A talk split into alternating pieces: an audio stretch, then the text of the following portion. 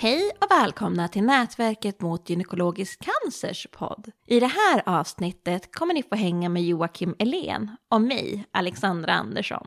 Joakim Elén är legitimerad sjuksköterska, fil. doktor i vårdpedagogik och professor i omvårdnad vid Göteborgs universitet. Han är också föreståndare vid Centrum för personcentrerad vård vid Göteborgs universitet och sjuksköterska vid Palliativt centrum på Sahlgrenska universitetssjukhus. Vi kommer bland annat tala om vad närståendeskap är, vilka behov närstående har och att relationer kan påverkas vid svår sjukdom. Joakim har tidigare ställt upp på ett webbinarium med oss och det finns på vår YouTube-kanal, Nätverket mot gynekologisk cancer. Och jag lägger också in en länk till webbinariet i beskrivningen av det här avsnittet. Vi kommer i det här avsnittet inte beröra minderåriga barn som närstående, men är det så att du vill lära dig mer om deras behov så finns det ett annat webbinarium på vår YouTube-kanal. Och du finner även en länk till det webbinariet i beskrivningen av det här poddavsnittet. Men nu kör vi!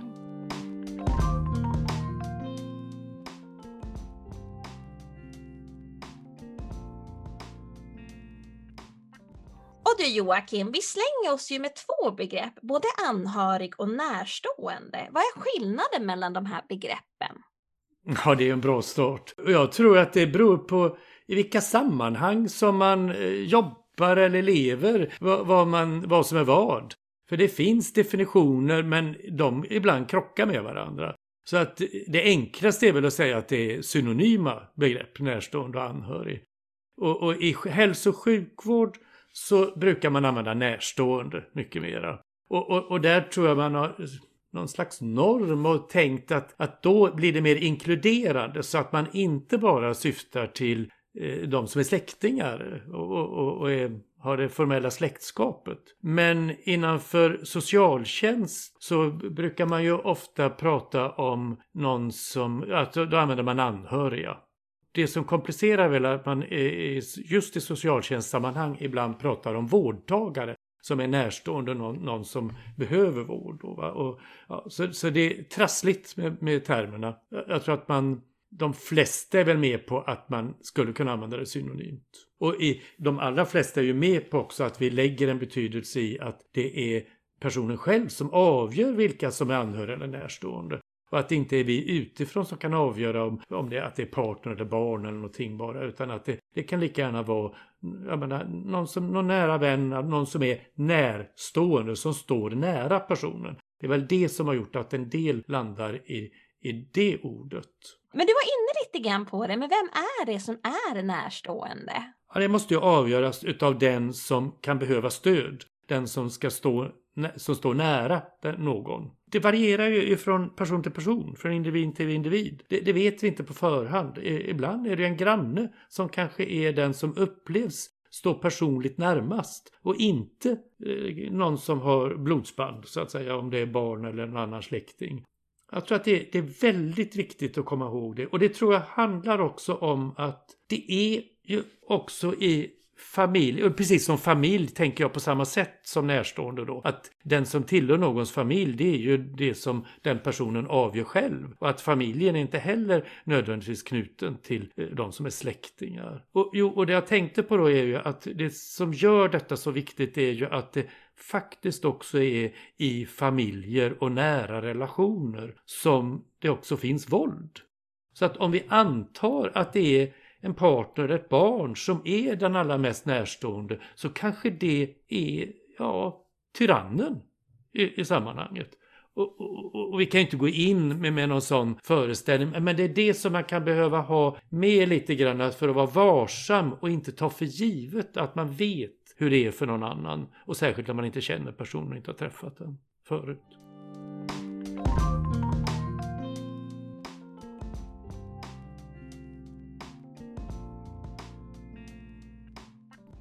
Ju med på ett webbinarium med oss och då sa du att det finns särdrag att vara närstående. Och vad menar man med det och vilka särdrag finns det då?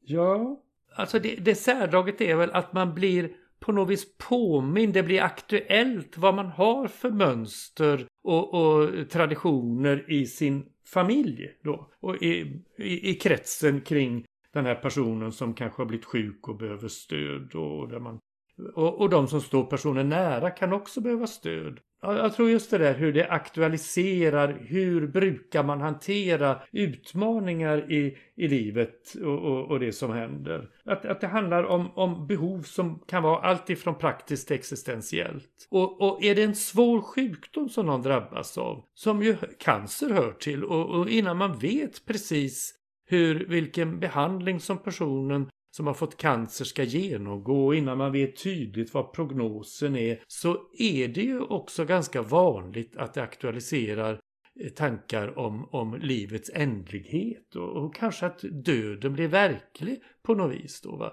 Och, och det är ju självklart mer påtagligt när det är någon som då diagnostiseras med en obotlig sjukdom. Och, och, och, det är inte alls cancer i alla lägen såklart. De allra flesta som får cancer har möjlighet att få behandling och kan leva med det. Och många kan få leva med det som en kronisk sjukdom. Men den där cancer som metafor och bilden av cancer är ju att det är en, en otäck och svår sjukdom och som kan leda till, till döden. Så att det är ju också någonting som blir e, ett särdrag och som kommer i dagen om det här att vara närstående. Och, och ja, hur man tänker kring eh, sorg och lidande och vad som kan ge tröst och vad, vad, vad som är, hör till livets utmaningar och vad, ja, vad, vad, gör man utav sitt liv själv? Vad gör jag av mitt liv? Och, och det, det, är sådana tankar som också blir aktuella ofta i, i, i de här sammanhangen. Mm. Och ser man på det här med närståendeskap på ett olika sätt runt om i vårat land men även kanske utanför landet? Har man andra uppfattningar kring det här med närståendeskap då? Ja, alltså när, jag skulle vilja knyta det till hur man ser på familj och, och, och familjemönster och hur man eh, lever i, med de som står en nära. Och då, ja, tänker på den här, vad heter den, World eh, Value Survey, alltså en sån här eh, världsomspännande undersökning kring vad det är för värden som man skattar. Så där hamnar ju vi i Norden och synnerhet Sverige i en av de extrema hörnorna med att lovprisa autonomi och självständighet väldigt, väldigt högt.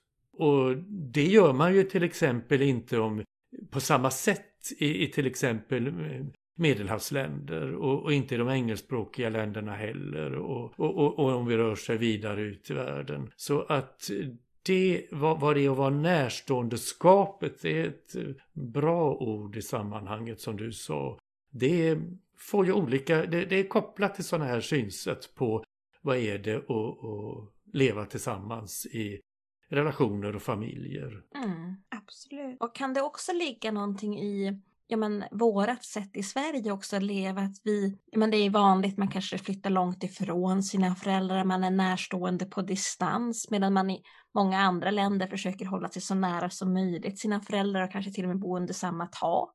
Ja. Att det blir lite annorlunda. Absolut.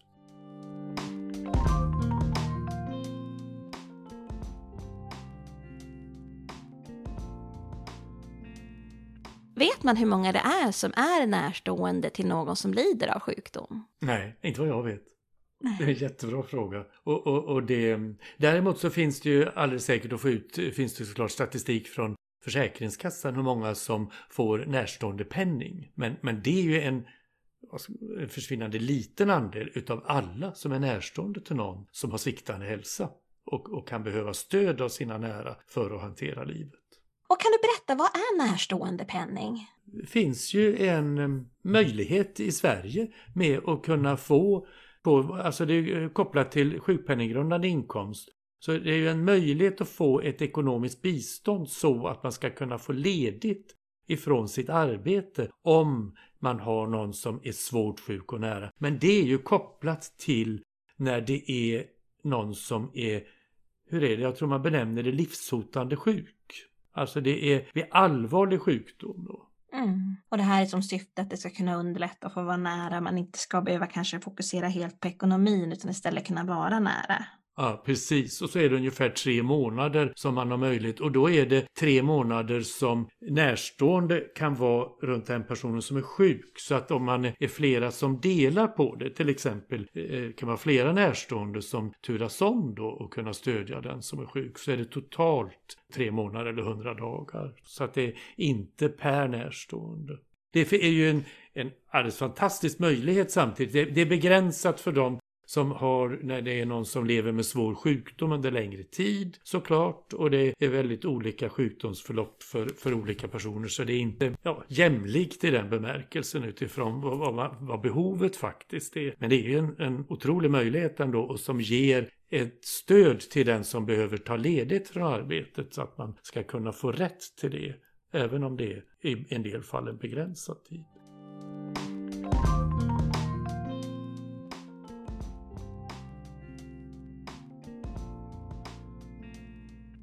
Vilket stöd brukar närstående behöva? Ja, men alltså det är ju alltifrån praktiskt till eh, eh, eh känslomässigt stöd och till kanske något mer existentiellt hur man ska kunna han, hantera livet. Så det är praktiskt och socialt och, och det kan vara eh, ekonomiskt såklart och, och det kan vara existentiellt och hur man ska kunna hantera och navigera i sitt eget liv. Så, så det tror jag, det är väldigt viktigt i sammanhanget och inte ha en för smal bild av vad det är. Och likadant så är det ju så att eh, man, man likställer ju närmast med vad det är att ge vård och ge stöd i de här sammanhangen.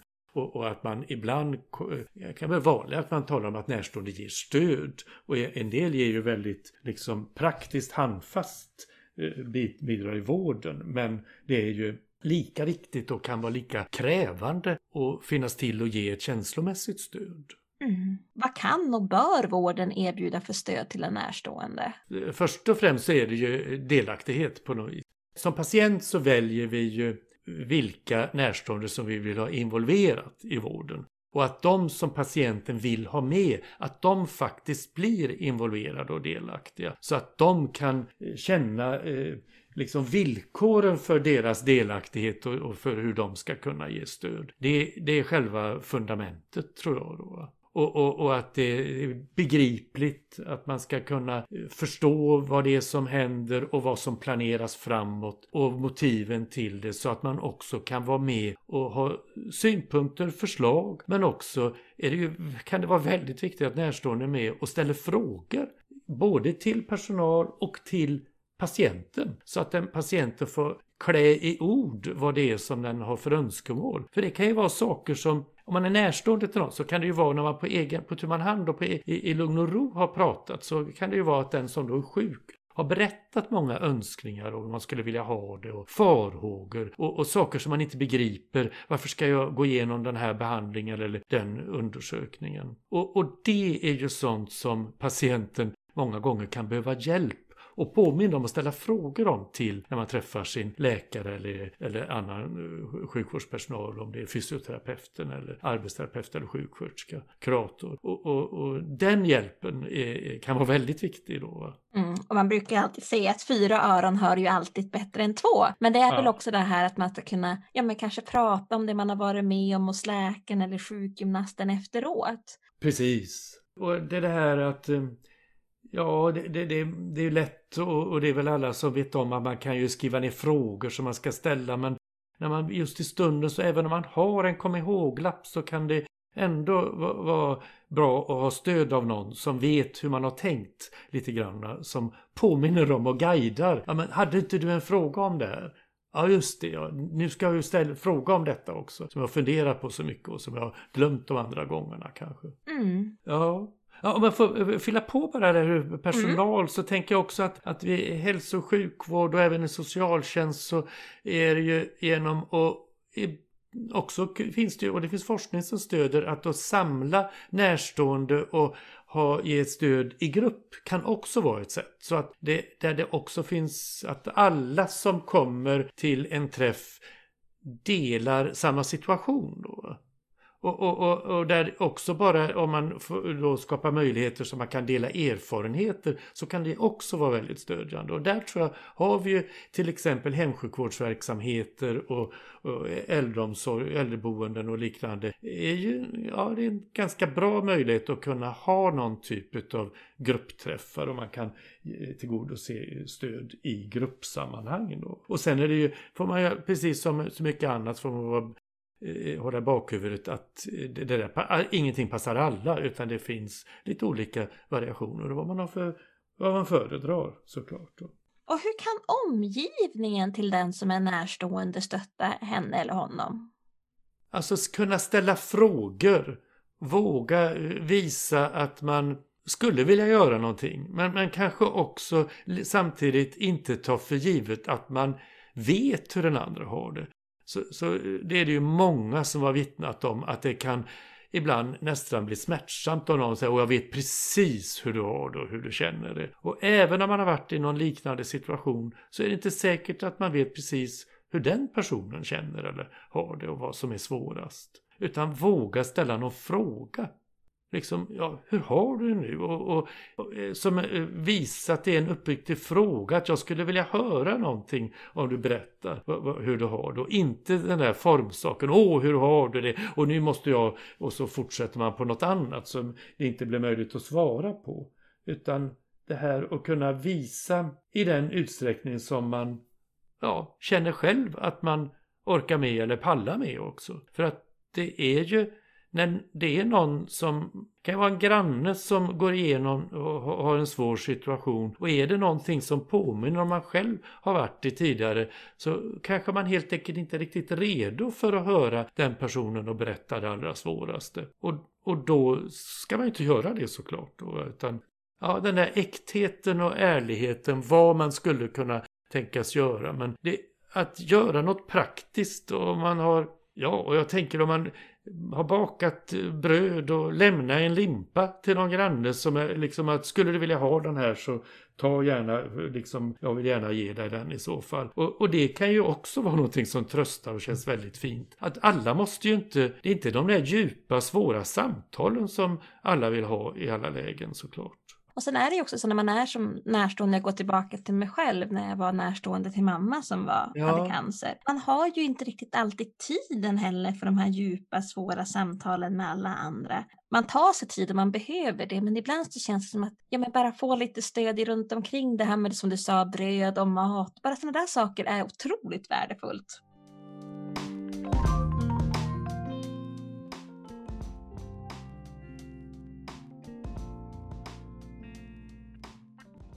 Pratade lite grann om det här med vad närstående, men skiljer det sig att vara närstående till någon som har cancer eller till en sjukdom som kanske är väldigt, väldigt besvärlig men kanske inte livshotande? Jo, det, det är klart att det, det, den där rädslan för att någon som man älskar och står en nära ska dö i förtid.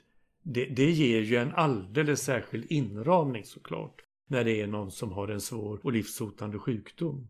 På å ena sidan är det ju så, men å andra sidan så Alltså är det någon som inte mår väl och, och särskilt om man tycker att kanske inte får förutsättningar att bli hjälpt på bästa sätt och att om det, ja, läget är väldigt utmanande så kan det ju vara precis som kanske, alltså det går ju inte att gradera men det kan ju vara fruktansvärt svårt i andra sammanhang också. Om jag tar något exempel så var vet jag kollegor som jobbade och utvecklade ett stöd för unga både eh, tonåringar och eh, unga vuxna som hade psykisk ohälsa. Och de jobbade och utvecklade ett väldigt eh, framsynt eh, webbstöd. En webbplattform helt enkelt där de kunde dela erfarenheter. Och genom det där, och, och det var många som fick väldigt bra, men där fick de ju också klarhet att många av de som var närstående till de unga med psykisk ohälsa de kommer också att tackla och ha, ha blivit utmanade med sin egen psykiska ohälsa. Alltså det, det, när man kommer nära någon som har svårt att hantera livet och inte mår väl så gör det ju någonting med oss också. Och, och på det viset så är det, jag tror att det är en fara om man på något vis graderar att det är svårast eller mest utmanande för dem i den gruppen. Alltså det där går, så går det inte att säga. Så på det viset så går det inte att säga att det är svårare för någon som är, är, är, närstående till någon med någon viss sjukdom än jämfört med någon annan. För det är också många tillfälligheter som skapar, ja, ramar in och, och gör, hur, formar hur den enskilda situationen blir då. Absolut. Jag tänkte också ta upp det här med att ibland när någon blir svårt sjuk så kan relationen mellan den som har sjukdomen och eh, dess närstående blir påverkad. Det behöver ju inte nödvändigtvis vara så att relationen blir sämre, men den blir påverkad i alla fall. Och det finns väldigt många som har beskrivit för oss att den som är sjuk då har upplevt oro och skuldkänslor gentemot den som blir närstående. Och hur ska man kunna tackla sådana här känslor? Ja, men det, där, det, så som det börjar med så tror jag att det är någonting som går igen. Att det är många som vittnar om att relationen förändras när någon som står en väldigt nära blir svårt sjuk. Och jag tänker på ett eh, projekt som vi eh, eh, jag jobbade med en kollega för, nu är det några år sedan, men där vi han mötte kvinnor som var mammor och fick bröstcancer. Och där de berättade, alla de som vi träffade i det här projektet berättade ju hur relationen till deras partner hade förändrats. Och många av dem berättade hur relationen hade fördjupats och att så nära som vi har kommit varandra nu, det har vi nog, alltså vi har kommit varandra närmare var det flera av de här kvinnorna som berättade. Men det var också andra som berättade att vi har kommit till, helt i otakt. Och, och, min man förstår mig inte alls, var det några utav dem som sa. Och det var också några utav dem som berättade hur de hade separerat. Och, och liksom mitt i det här med att genomgå sjukdomsbehandling och annat så var ju det inget enkelt beslut. Men det var också några av dem som talade om det som att det var nog ändå det rätta beslutet. Och det som hade till exempel tröstat så kraftigt som några berättade om, det var ju när deras barn hade bekräftat att vad, vad fint det ändå blev att ni separerade för så lycklig som du verkar vara nu mamma, det hade du nog inte varit om du och pappa hade fortsatt att leva tillsammans. Ja, det är ju ett sånt där exempel som jag aldrig kommer att glömma och som eh, gör att ja, det, det, det, känns bara när jag tänker på det här igen. Då. Och det krävs ju ett otroligt mod och, och, och både våga komma varandra närma och, och, och, göra förändringar om det handlar om som, som leder till separation. Då. Ja, det är många som pratar om hur man inte går obemärkt förbi och ju mer laddad liksom i situationen om man får en svår sjukdom och har barn som inte är vuxna så är det klart att det blir ett oerhört existentiellt hot och, och, och riskera dö i förtid innan ens barn är vuxna. Ja, det kan jag föreställa mig måste kunna kännas oerhört orättvist då, och det är ohyggligt. Och, och, och, ibland vill man inte tänka på döden och på det svåra och det det, har jag, det, det vill inte jag alltid heller såklart då, även om jag så att säga jobbar med det. Men jag tror om vi och glänta lite granna i några lagom portioner och fundera över så kan det också göra att vi vår glädje över vad vi är i livet och vad det finns att glädjas åt. Att, det, att vi blir påminna om det, att det kan bli starkare då. Det är väl det som är fördelen i sammanhanget och gör att vi också tittar på eländiga filmer och sånt här som inte alltid får lyckliga slut. Då. Ja men precis. Om man tar det här lite grann att det kan finnas ja, men lite dåligt samvete, att man har blivit sjuk och man liksom, att ens sjukdom påverkar en närstående. Har du något råd och tips till den relationen? Hur man kan komma över den känslan? För man påverkar ju inte att man har blivit sjuk. I vår kultur så är det ju väldigt påtagligt att vi inom, alltså det är nästan som om vi har ansvar för vår egen hälsa och vårt eget liv. Och att vi ska forma vårt liv, vi ska förverkliga oss och, och det, du blir vad du, vad du vill uppnå på något vis och det, vad du gör det till. Och då blir ju sjukdom och, och vacklande hälsa ett nederlag. Och kan ju också bli som du eh, inledde med nu då att, att det blir ett ansvar så att och har man inte uppnått det så blir det en skuld. Det är lite förryckt tänker jag då. Och, och, och att vi har den här, och, och, det har vi på många sätt i kulturen. Jag menar om, om vi tränar, vad vi, hur, vad vi gör med vår vikt, hur vi upprätthåller relationer, hur vi, allt möjligt som vi på något vis eh, ska ha ansvar för och ibland så vi blundar för vad det är för strukturer som påverkar med reklam och, och andras värderingar som vi inte har valt själva. Då. Men, men tillbaka till detta med skulden så är det klart att det är ju väldigt många som har berättat om och som man kan läsa i, i lite skönlitteratur och annat att någon som har dött plötsligt eller som blir svårt sjuk och som inte kan fortsätta att leva livet med den vision som man kanske haft tillsammans om man lever i en parrelation eller mellan föräldrar och barn eller någon annan konstellation. Att inte det där projektet man har haft och, och, och, och tanken om framtiden går inte att infrias. Ja, det är klart att man kan känna sig snuvad och, och både bli arg och, känna att man känner sig sviken då. Och jag tror att det är mer att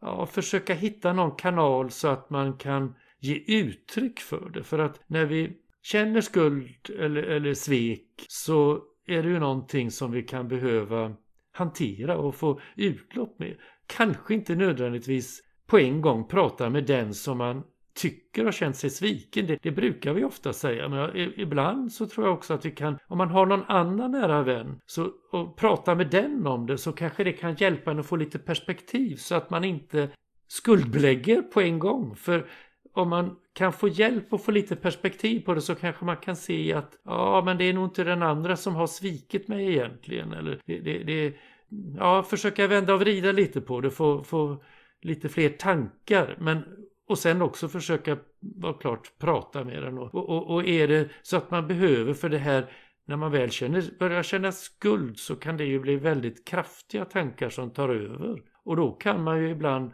det kanske inte räcker att prata med någon nära vän eller så, utan man kan behöva söka någon professionellt eh, samtalsstöd och det, i, i, sammanhanget. Och, och det, det, kanske, ibland kanske det kan räcka med ett samtal med en kurator kopplat till den som är sjuk, om det är det som finns till exempel. Eller ja, så ibland kan man behöva mera hjälp då.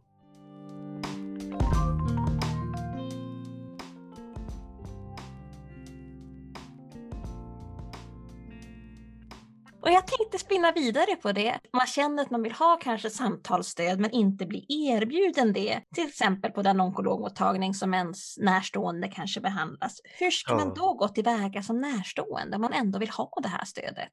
Kopplat till hälso och sjukvården så är det ju så att då lär man söka på primärvården i vårdcentralen. Det är så konstigt det formella ansvaret för att eh, när det är som med ditt exempel om det är någon som har en, någon tumörsjukdom och vårdas på en onkologisk klinik så är det ju den personen som är patienter som sjukhuset och kliniken på något vis har ett uppdrag för att vårda och ge stöd till primärt och inte till de närstående. Och samtidigt så är det ju så att i den svenska hälso och sjukvården så vill vi ju involvera och skapa förutsättningar så att närstående ska bli delaktiga. Men när det handlar om min hälsa som när, när jag är närstående vacklar och, och, och äventyras då är det kanske i primärvården som man ska söka i, i första hand.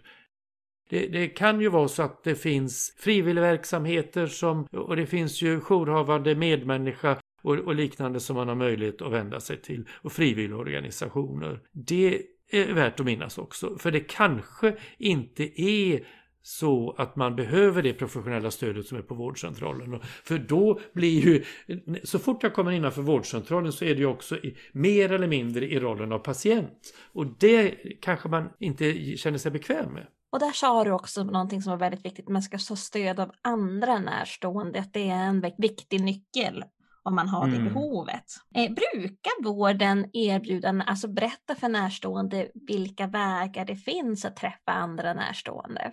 Jag tror att det varierar och kan bli bättre såklart. Alltså på onkologkliniker så, så tror jag att det finns det ju broschyrer och, och, och, och som speglar det här. Men det är ju lite olika på olika ställen hur åtkomliga broschyrerna är. Och, och, nu kopplat till pandemin så hjälper det inte att det finns broschyrer utan då är det ju det som finns på webben i så fall eftersom vi som, ja, när det är besöksförbud och, och så här. Och, eh, överlag så vill jag ju tro att de specialiserade palliativa verksamheterna är, är hyfsat bra på att visa på de sådana möjligheter. Mm. Och nu tog du upp pandemin, den vill jag också stanna upp i lite grann. Ser man att närstående har påverkats av den här pandemin och hur i så fall?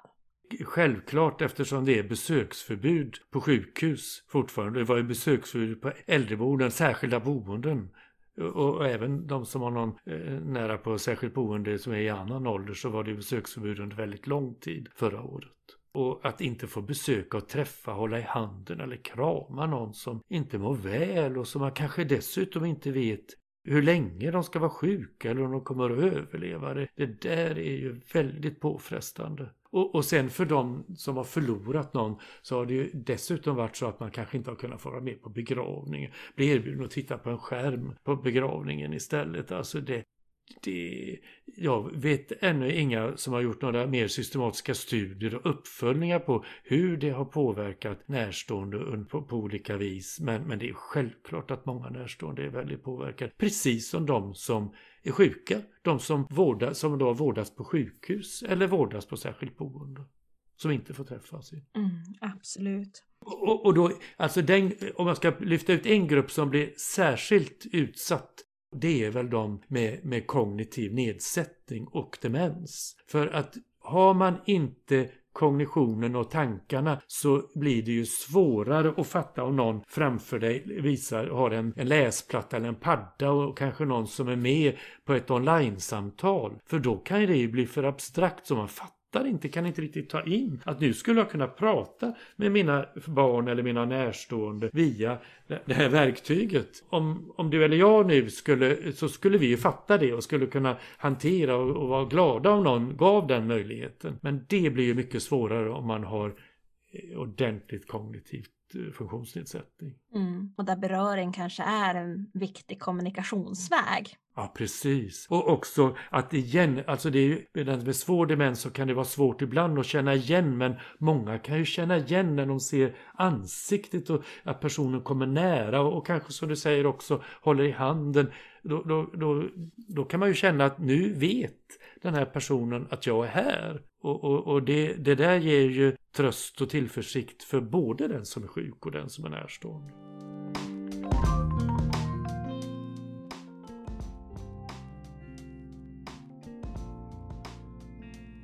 Vi var inne lite grann på det, men vid palliativ vård som förhoppningsvis kanske pågår under en längre tid, eh, brukar de anhörigas behov bli annorlunda eller variera under en sån resa? Ja, visst. Allting som försiggår under längre tid så tenderar vi ju att få annorlunda behov och kanske ändra hållning till situationen. Och få beskedet att det är någon som står dig nära som har en svår sjukdom. Ja, den där chockfasen som man, eh, eh, eh, chockläget som man kan hamna i och, och, och, och känna krisen, det och, och att det är liksom akut och omvälvande det är det i varje fall ingen som står ut med att vara i, i, i, och reagera på det viset under jättelång Då blir man helt utmattad. Så det, eh, över tid så förändras ju det, det hela och ju mer kunskap man får, ju mer man förstår så kan man ju också se annorlunda både på situationen och på framtiden. Eh, jag är inne precis samma sak där, att det här med livskvalitet förändras ju också över tid. När man väl har någon som har blivit väldigt svårt sjuk så även min livskvalitet förändras ju över tid. Att, ja, men de där långa promenaderna kanske var livskvalitet för oss, men nu kanske det är att sitta och äta en glass tillsammans som är den stora livskvaliteten. Liksom. Och allting förändras ju med tiden och man försöker alltid hitta lösningar som blir så bra som möjligt. Precis. Och också vad man, hur man pratar om framtiden då. Och då, då är jag ju lite bias i den bemärkelsen kanske. Men jag jobbar ju då särskilt med palliativ vård. Och det finns ju många som vittnar om att när man väl har pratat om framtiden och att det, det nog är så att den, den som är sjuk kanske inte kommer att överleva det här och att man är så osäkert hur lång tid man har kvar att leva. Och vad är viktigt då? Vad är det man önskar sig? Och, och vad skulle kunna hjälpa och, och trösta och lindra i sammanhanget? Att, ha den sortens samtal utan skyddsnät så att säga är det ju många som säger ändå har varit ja, fint att prata med det med den som står en nära. Och en del kanske eh, säger ju då också att tänk om vi, vi skulle kunna pratat om de här svåra frågorna lite tidigare. Så att man inte skjuter upp det alldeles för sent. Då. Och att man pratar om det i flera omgångar också. För jag tänk, för jag, om jag går tillbaka till mig själv så vet jag att när mamma kom i eh, ja, men cancern var kronisk och insåg att det här kanske inte kommer att gå. Då sa hon att ja, hon ville dö på sjukhus, men ju mer tiden gick så ändrades det här när vi hade samtalat. Nej, men jag vill nog vara hemma och jag vill nog vara hemma i min egen säng också. Så där, att man, man vågar ha samtalet flera gånger. Ja, jätteviktigt för det här är ju svåra frågor, det är svåra samtal och, och det är inte så många som har de där tydliga, färdiga svaren vad man Eh, hur man ser på, de här, på sådana frågor såklart. Och, så ja, det tror jag är jätteviktigt. Men just det här med att våga inte skjuta på det för länge utan våga liksom ta det något tidigare även om det känns läskigt och svårt och man vet inte hur man ska öppna kanske det hela då. Och, och, och då tänker jag att det var inne på det förut, det här svåra om det är en förälder som är svårt sjuk och riskerar att dö i förtid. Och jag har, varit delaktig i några uppföljningar kring stöd för barn i sorg. Och då var det i, något projekt att alla de Eh, barnen, ja det var barn och unga vuxna. Så det var lite olika, det var åldrar upp till 26-27 år tror jag de äldsta var. Och det var inga små barn så det var absolut, utan de var sen början av tonåren någonting, i nedre tonåren. Men alltså det var barn som det är jämförelsevis enkelt att prata eh, som kan begripa det hela i varje fall. Men det jag komma till var att det var en stor andel utav de där barnen som hade förstått att mamman eller pappan skulle dö först de sista dagarna och några av de sista timmarna. Och då tror jag ändå att om det är för den som är sjuk i cancer så borde det i många fall vara möjligt och, och, kunna, för barnen att kunna få den vissheten något tidigare. Så att också barnet kan få ställa de frågor eller säga de saker som de kanske skulle vilja säga till sin mamma eller pappa. Och inte behöva känna i efterhand kanske att man har ångrat och inte fått möjlighet att göra det. Och, och under tonåren är det ju så komplext för då är det ju många som vill ja, liksom att farsan eller morsan ska dra åt fanders på något vis. Man, man, vill frigöra sig. Det är ju det vi, vi, ska, vi ska göra. Alla ungdomar borde få chans att få göra. Där det kan vara andra saker som man kanske också skulle vilja säga när man förstår och riktigt fattar att nu är det nog inte lång tid kvar för min mamma eller pappa att leva. Det blir en annan dimension i komplexiteten där också, där med både med frigörelseprocess och ändå vilja vara nära. Och... Ja, det är så oschysst. Det är självklart att det är inget barn som skulle behöva vara med om att ens förälder dör i förtid.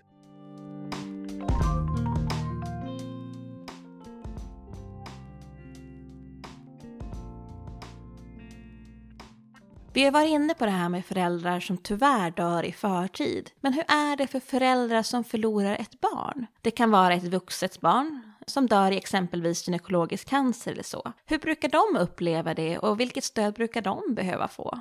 Ja, men vad bra du tar upp det. För att man är ju förälder hela livet till sina barn. Och även om barnen är vuxna och klarar sig själv så är det ju, det, det, det är väl någonting som vi har i, i någon slags livscykelföreställning att det är ju föräldrarna som dör före barnen. Så att det, det finns det ju en del studier gjorda av kollegor, kollegor som har gjort uh, studier kring och ja, alltså det, det, kan vara, det blir som du alldeles nyss sa, en extra dimension, en extra inramning kring en förlust och, och hur det är att vara nära när det är ens barn som är svårt sjukt.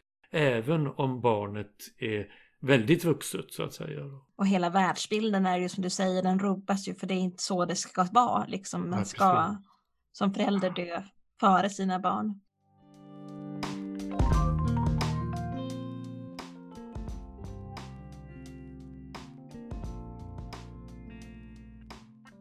Om det nu är så att en drabbad dör, hur brukar närstående må efteråt? Det finns ju inget som är normalt, men finns det något som är mer klassiskt i hur man brukar må? Nej, jag tror att man ska passa sig för vad som är det normala sorgeförloppet.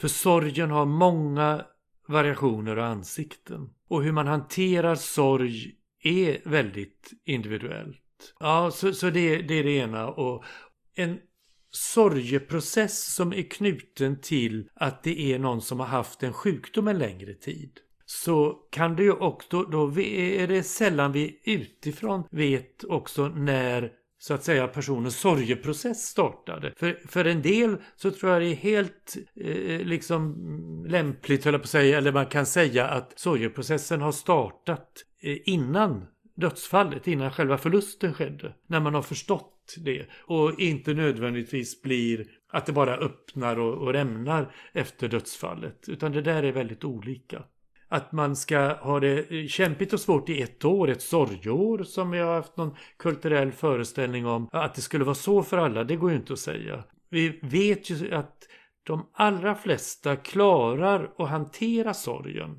i sitt eget vardagsliv och med dem som de står nära och behöver inte professionell hjälp. Men det finns också en del som får en eh, komplicerad sorgeprocess och som då kan behöva stöd i sorgen. Och för den, eh, alltså det man, det man talar om idag och som är forskningsbaserat på komplicerad sorg så använder man den termen eller det begreppet ett halvår efter förlusten.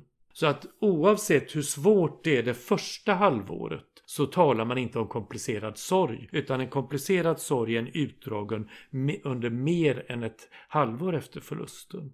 Det, det är skönt att du säger det här med att ja, men det finns ingen färdig fas eller det, sorgen har så många olika ansikten. För det är väldigt betryggande. Man, liksom, det, man behöver inte säga att någonting är mer normalt än det andra. Utan, och det kan ju också vara, ibland brukar jag tänka så här att ja, men stor kärlek ger stor sorg, men den kan ju ge väldigt olika sorg. Att varje relation är ju unik och ger en egen sorg. Ja, precis. Alltså vilket livsskede man är. I olika skeden i livet så kan vi ha olika resurser och olika möjligheter att använda de resurser som vi har i livet. Och, och det där är, det, det, är mycket omständigheter och, och, som eh, kan vara ja, som påverkar och formar hur vi kan hantera det. Ja, det svåra är väl att man kan ju bli överraskad själv över någonting som man tror sig kunna hantera och så helt plötsligt konstaterar man kanske att nej men det här tycker jag är jättesvårt nu. Jag vet inte hur jag ska göra och nu att man famlar och, och känner sig ganska hjälplös kanske. När man blir som mest sårbar kommer ju ibland väldigt överraskande också när man blir allra mest utsatt. Men i det här sammanhanget med sorg så kan jag inte låta bli att säga också för att det har ju funnits i litteraturen att man har beskrivit sorg som en process. Och att när man går igenom vissa skeden och det startar med chock och att man förnekar och så ett, tu, tre så har man eh, levt igenom, ja det låter ju raljerande, men att det slutar med att man har, eh, landar i någon mogen sorg och att man eh, eh har mening med livet och att det är ja, ungefär som de klassiska sagorna slutar glatt på något vis eller något liknande. Och det visar flera decenniers internationell sorgeforskning att den där sorgeprocessen, så som det står fortfarande i en del kursböcker, det stämmer inte. Utan det var, det var ett perspektiv, perspektiv som lanserades och det var ju Kübler-Ross var ju först att beskriva något liknande med krisens skeder. Och hon har varit banbrytande kopplat till sorg och hur man ska prata med, om, om barn med sorg och liknande. Så det, hon har gjort jättemycket viktiga saker. Men den där stadieteorin, den är falsifierad. Den gäller inte. Jo, och då kanske jag ska säga att då, då, är det ju mer att man kan röra sig mellan olika dimensioner i upplevelsen. Och att man kan gå in och ur sorgen. Och att det inte är, det är inga stadier på varandra utan det är något mycket mer rörligt, dynamiskt. Och det är precis det som menas när man kanske säger då att sorgen är randig. Eh, ja. Man beskriver den som en randig halsduk, det där med att man går in och ut i olika stadier och man aldrig är klar riktigt med ett.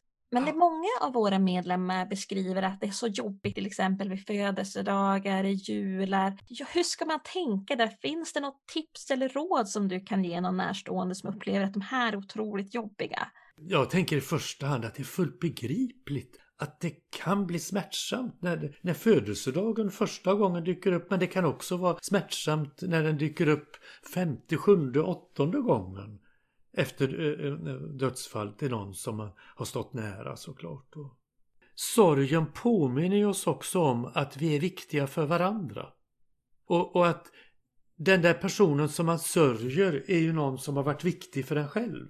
Men att det, det finns ju troligtvis också flera andra som är viktiga för dig i, när du, i din sorg nu också. Och som, sorgen handlar ju om att vi i grunden är beroende av varandra också.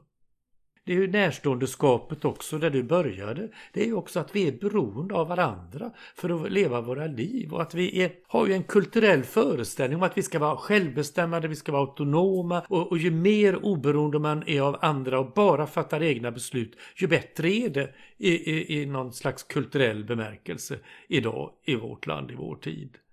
Och, och, det är väl bra, jag försöker väl på många sätt också vara, vara autonom och, och låta mina nära vara självständiga men i grunden vet du sjutton om inte det är ännu mer påtagligt att vi är beroende av varandra. Inte en kotte skulle kunna leva sitt liv totalt, jag menar det är Robinson Crusoe-livet i så fall då. Ja men precis. Och där är du lite grann inne på hur vi lever. För ibland tänker jag, ja men om man är utomlands till exempel så kan man se en helt svartklädd kvinna till exempel som har fått bära svart i 40 dagar efter makens bortgång. Och det mm. verkar som att man pratar om sorg på ett annat sätt och att det kanske är inte att man ser det som en naturlig del i ens liv, men att det ändå på något sätt är någonting man pratar om och man, man kanske går till kyrkan i större utsträckning än vad vi gör här och så. Är det någonting du också har upplevt, att det är annorlunda hur man pratar om sorg? Jo, men jag tror det handlar om att vi i, i, i det svenska samhället så har ju många övergett de religiöst formade ritualerna för att hantera sorg. Men vi har inte nödvändigtvis andra eh, ritualer istället för de religiöst formade. Och, och, och, jag tänker exemplen som du ger med om någon är svartklädd och, och, och liknande. Det är ju ritualer. Det är en ritual som talar om vad det är man ska göra och som att man behöver inte forma och skapa allting själv utan det finns någon typ av mönster som man kan gå in och ta till hjälp när man inte orkar att ta sig upp i sängen ens kanske de flesta dagarna. Så är det någonting ena förutstakat som hjälper att veta vad jag ska göra och som gör att jag också kanske möter andra som kan förmedla tröst och visa förståelse för mig. När vi tar avstånd från de här ritualerna så riskerar vi att bli ensamma. Det tror jag är, är det som är det, det kinkiga och att vi, att ja, sorgen görs ju mycket, mycket mer privat i den bemärkelsen. Att den blir ju offentlig i, i det i stadsdelen där man bor kanske om man visar utåt när man, när man har sorg och om det är ett visst antal dagar och liknande. Alltså det har ju varit om man tar ett väldigt tydligt uttryck är ju avsked och begravningsceremonier och liknande så har det ju varit en längre tid att det har varit de som har velat ta avstånd från en religiös ritual vid begravning, avsked. Men det har ju tagit lite längre tid innan man har hittat andra ritualer. Idag finns det just kring begravning så finns det ju lite olika ritualer att välja på. Men där skulle vi behöva mycket mer som hur man kan hantera sorg och ännu mer kanske också hur man hanterar det eh, närståendeskapet och situationen under tiden det är någon som är svårt sjuk.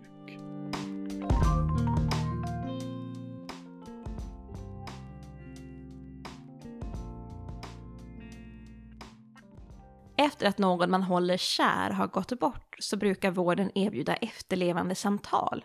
Joakim, vad är syftet med ett sådant samtal? Att det ska bli möjligt att, att få ett avslut för den som har varit närstående.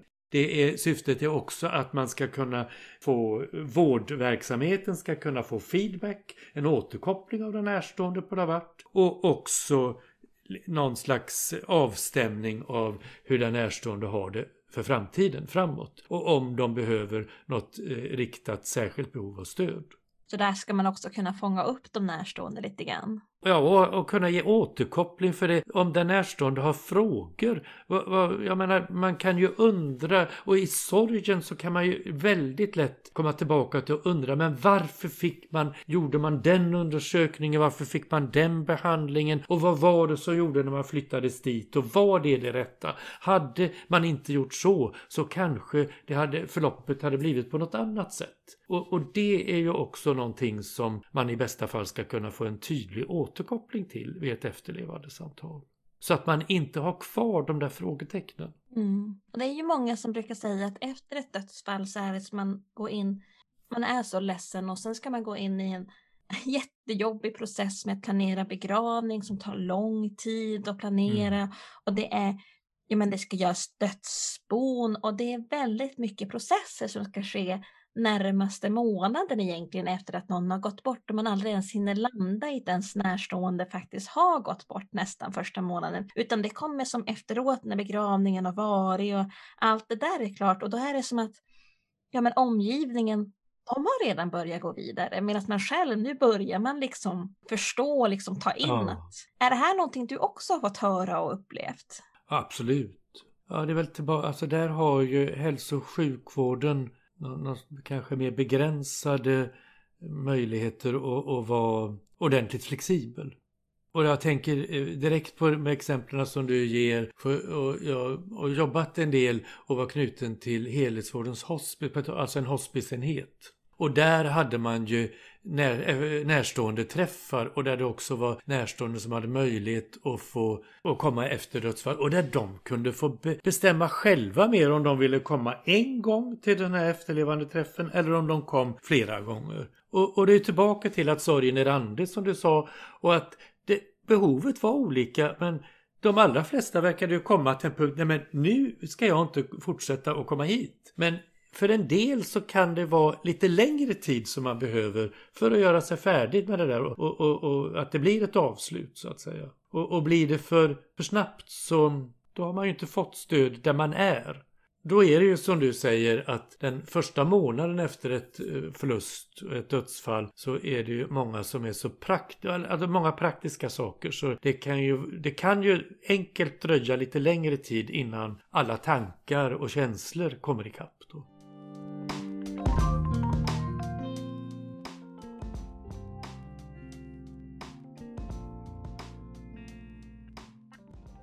Vilka rättigheter har man som närstående? Det är ju en intressant fråga. Vad har vi för rättigheter som människa?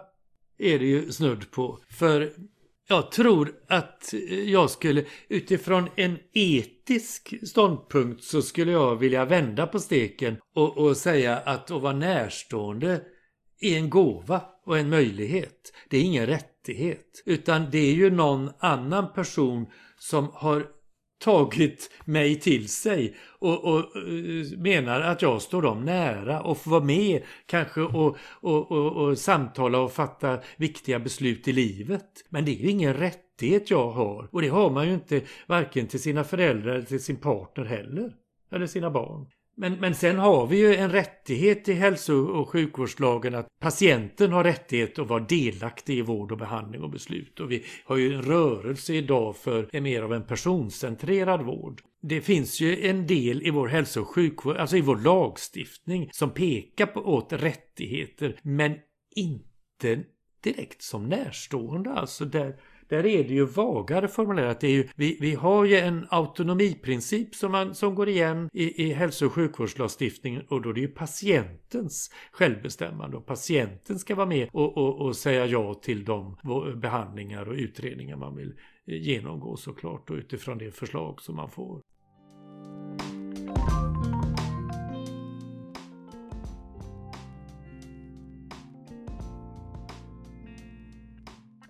Ja, men du har ju också forskat en hel del. Skulle du vilja berätta lite grann om vad du har forskat på? Jag har eh, jobbat kring mycket frågor kring hur det är att leva med svår sjukdom. Och sen har jag knutit det då till palliativ vård som är ju den särskilt lindrande och stödjande vården som, som finns vid svår sjukdom. Och, och som är till för att stärka möjligheter för att, att få lindra symptom och besvär, få hjälp att hantera utmaningar i, i, i livet vid, svår sjukdom och som inkluderar och ger stöd till närstående. Så en del närstående stöd och, och, har vi testat och utformat också. Men, men basen i forskningen är hur alltså människan kan hantera de här sakerna och erfarenheter som man har. Det har varit själva basen i det. Och, och, särskilt kring kommunikation och hur de då samtalen kring livets svåra frågor som blir aktuella i de här sammanhangen och hur man samtalar mellan patient och närstående och personal. Och, och och vi har utvecklat någon eh, modell kring personcentrerade samtal och kommunikation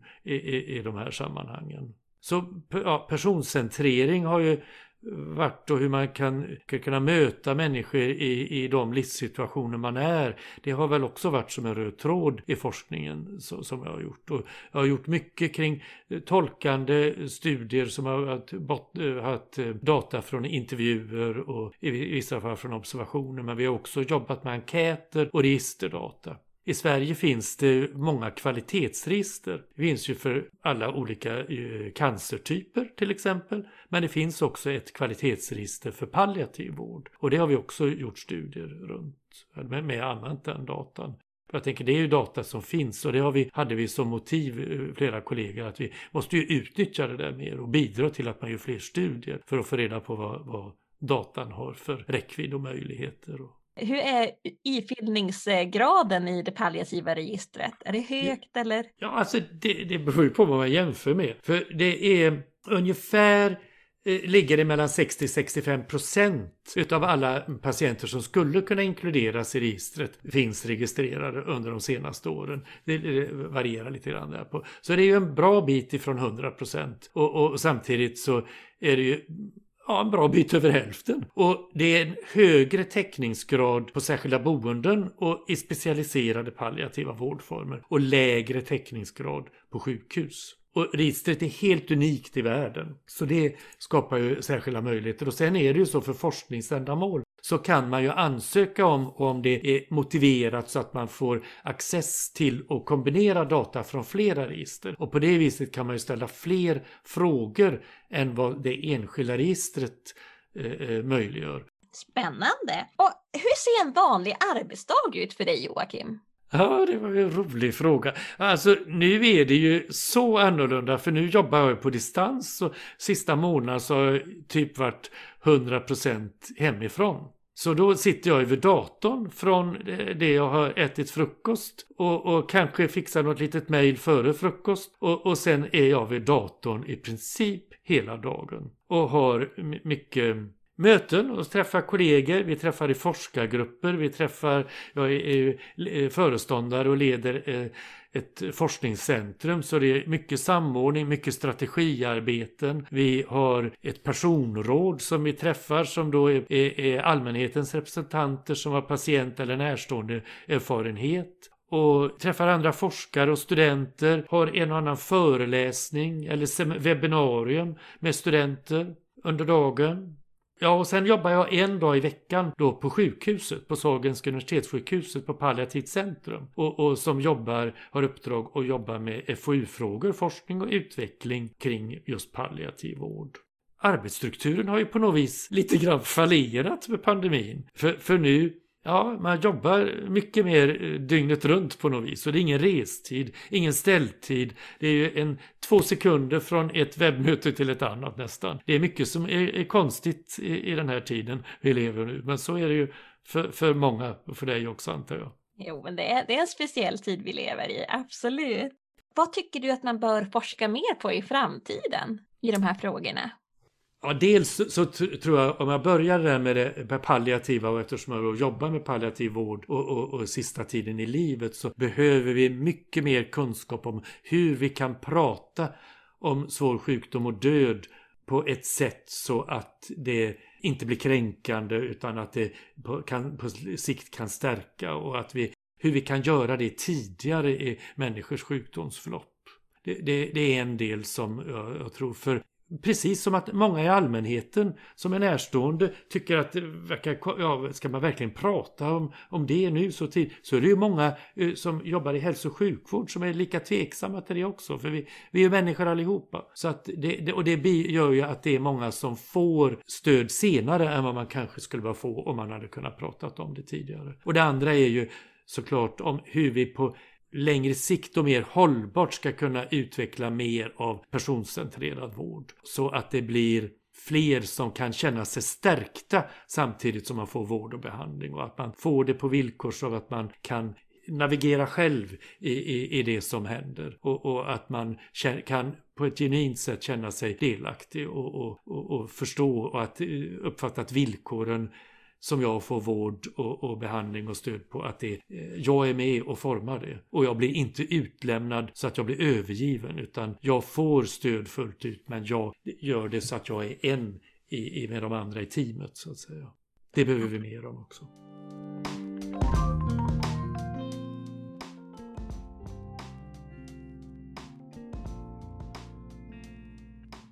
Det var allt vi hade för den här gången och nu hoppas vi att ni alla vill vara med i kampen mot gynekologisk cancer. För det är tillsammans som vi är starkast. I nästa avsnitt kommer ni få möta kvinnor som har drabbats av livmoderhalscancer. Det är gripande och starka berättelser som du absolut inte vill missa.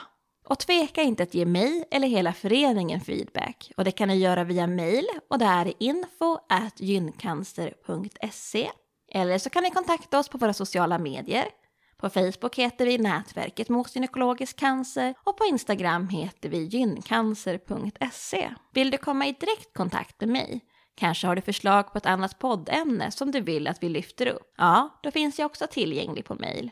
Och då är det alexandra.gyncancer.se. Då säger vi tack så länge och ni där ute, ta hand om er och var snälla mot er själva. Ha det så gott!